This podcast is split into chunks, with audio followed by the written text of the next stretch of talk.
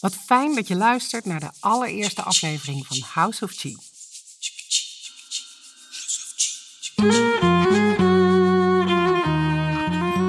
Laat me eerst vertellen waarom deze podcast er is.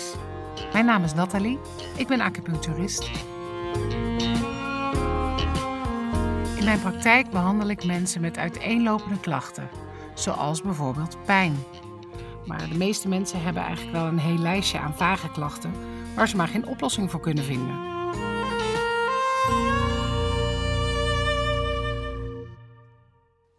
Het mooie van acupunctuur is, doordat je met naalden de energie in beweging zet, heb je vaak heel snel het eerste resultaat. En de meeste mensen reageren dan verrast en zeggen: Ik wou dat ik dit eerder wist, dan was ik hier veel eerder mee begonnen. Of als je dit niet had verteld, dan had ik dit nooit geweten. En heel eerlijk, in het begin was ik dan weer verbaasd. Want dan dacht ik, Chinese geneeskunde is duizenden jaren oud. Hoe kan het nou dat zoveel mensen dit niet weten? Maar mensen weten vaak niet hoe het werkt of waar ze iemand kunnen vinden. En toen zelfs ook mijn beste vriendin zei: Volgens mij praten jullie meer met elkaar. En daarom denk je dat iedereen het weet. Dacht ik: oh, Volgens mij heb je wel een punt. En ik dacht: Hier kan ik wat mee. Niet iedereen zit te wachten op naalden. Maar er zijn heel veel mooie andere natuurlijke en energetische en holistische geneeswijzen. En daarover gaat deze podcast. We zijn allemaal verschillend en er is dus ook niet één beste weg voor iedereen. Er is ook niet één specialisme of één specialist die eigenlijk alles weet. Dat zou te gek zijn, maar dat is niet zo.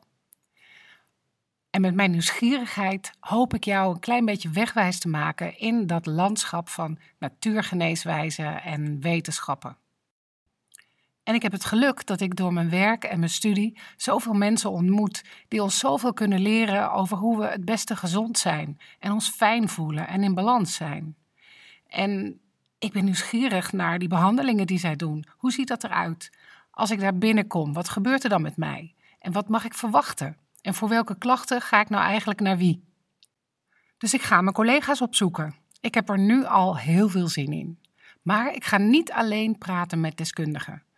Want er is bijna niets zo motiverend en uitnodigend voor jezelf als het succesverhaal van een ander. De verhalen uit de praktijk van hoe mensen hun uitdagingen met gezondheid en burn-out en stress hebben overwonnen, die zijn zo inspirerend. Dus dat is wat ik ga doen en ik heb er heel veel zin in.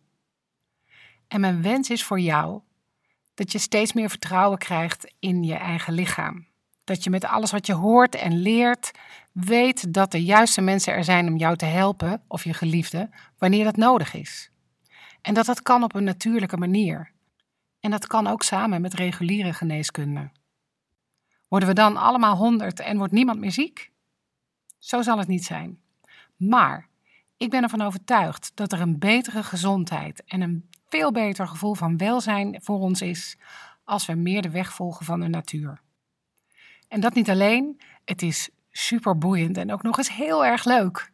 Maar goed, ik ben natuurlijk een aardige nerd geworden op dit gebied. En gelukkig hoef je niet alleen maar mijn woord te geloven, maar kun je luisteren naar al die bijzondere gasten die gaan komen. Ik verheug me erop. Straks krijg je mijn vijf tips waarmee je direct aan de slag kunt. Maar eerst wil ik je heel graag mijn eigen succesverhaal vertellen.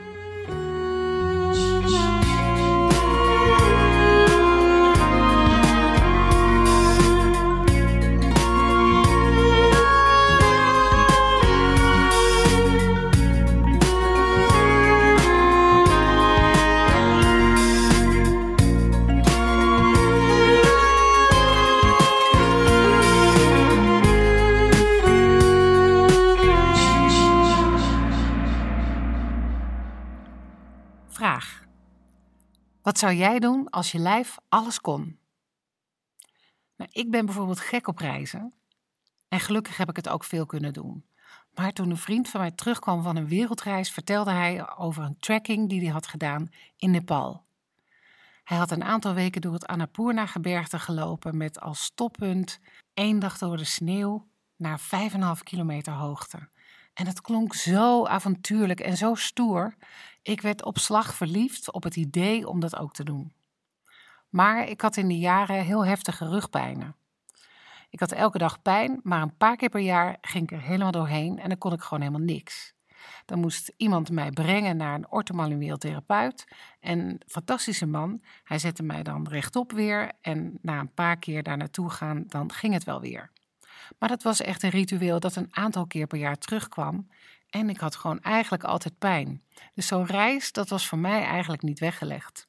Na een jaar of tien hielpen ook de behandelingen bij de manueel therapeut niet meer. Hij kon niets meer voor mij doen.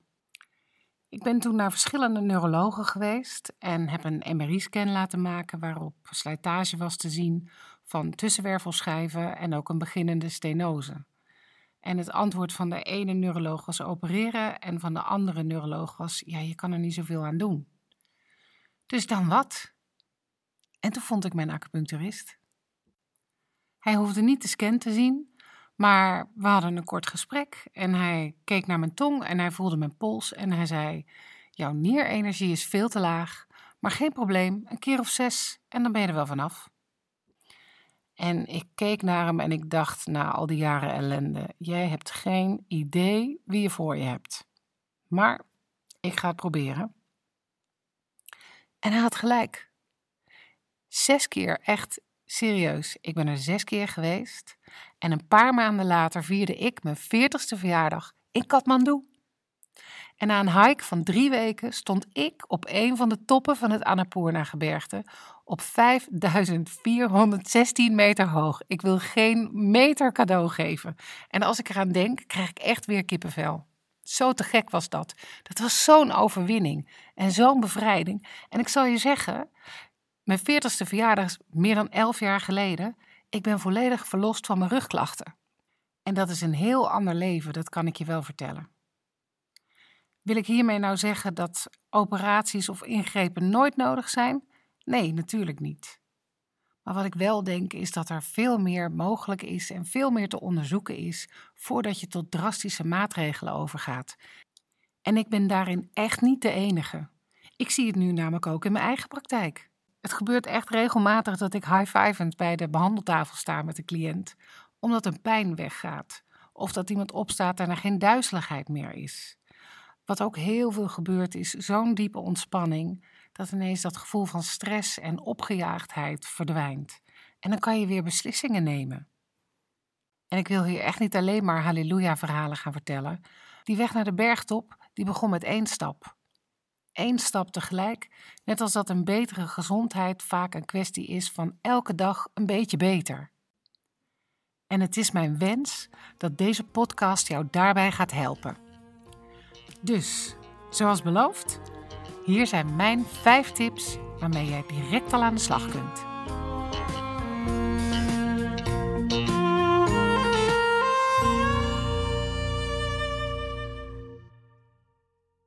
Mijn eerste tip gaat over wat misschien wel onze allermooiste eigenschap is: onze emoties.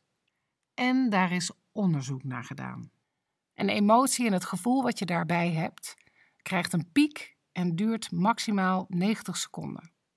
Dus een enkele emotie is na 90 seconden eigenlijk weer voorbij. Nou, waarom is dat nou belangrijk om te weten? Omdat wij vaak overmand kunnen zijn door emoties.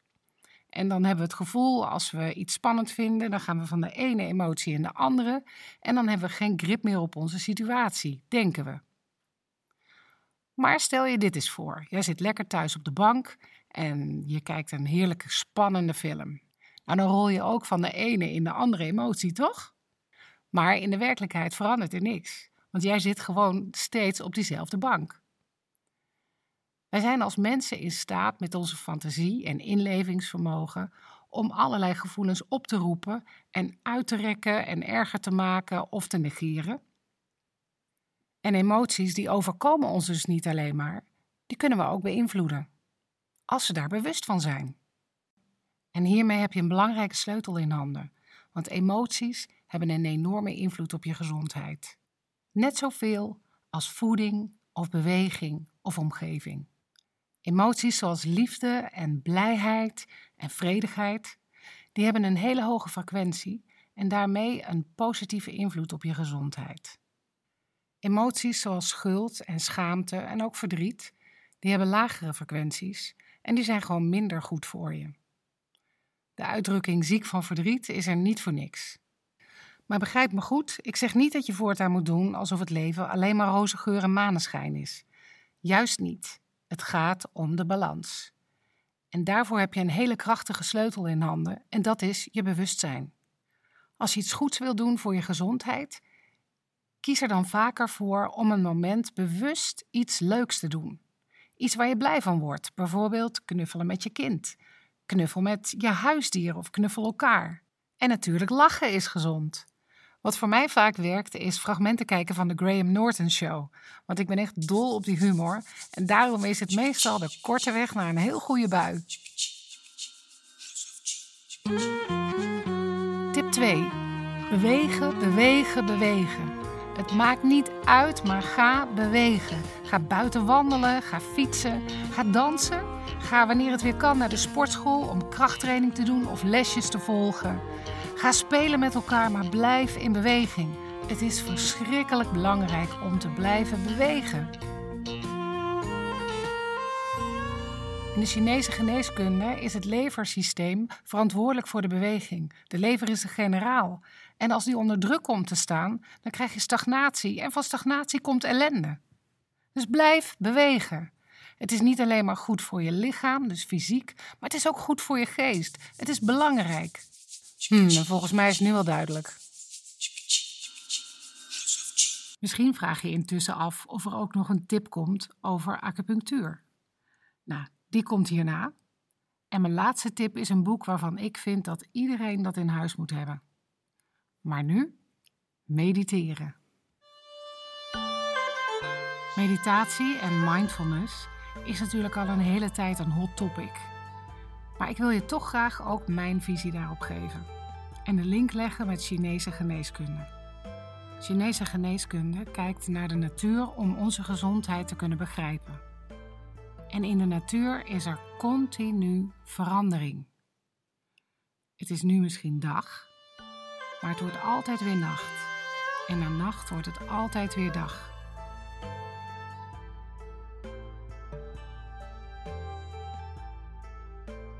Zo veranderen ook steeds de seizoenen en de getijden.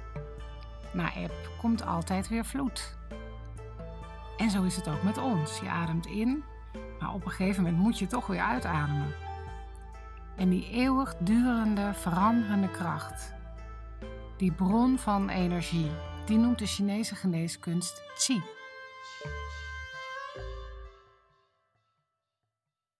Energie is niet de perfecte vertaling, maar het komt wel heel dichtbij.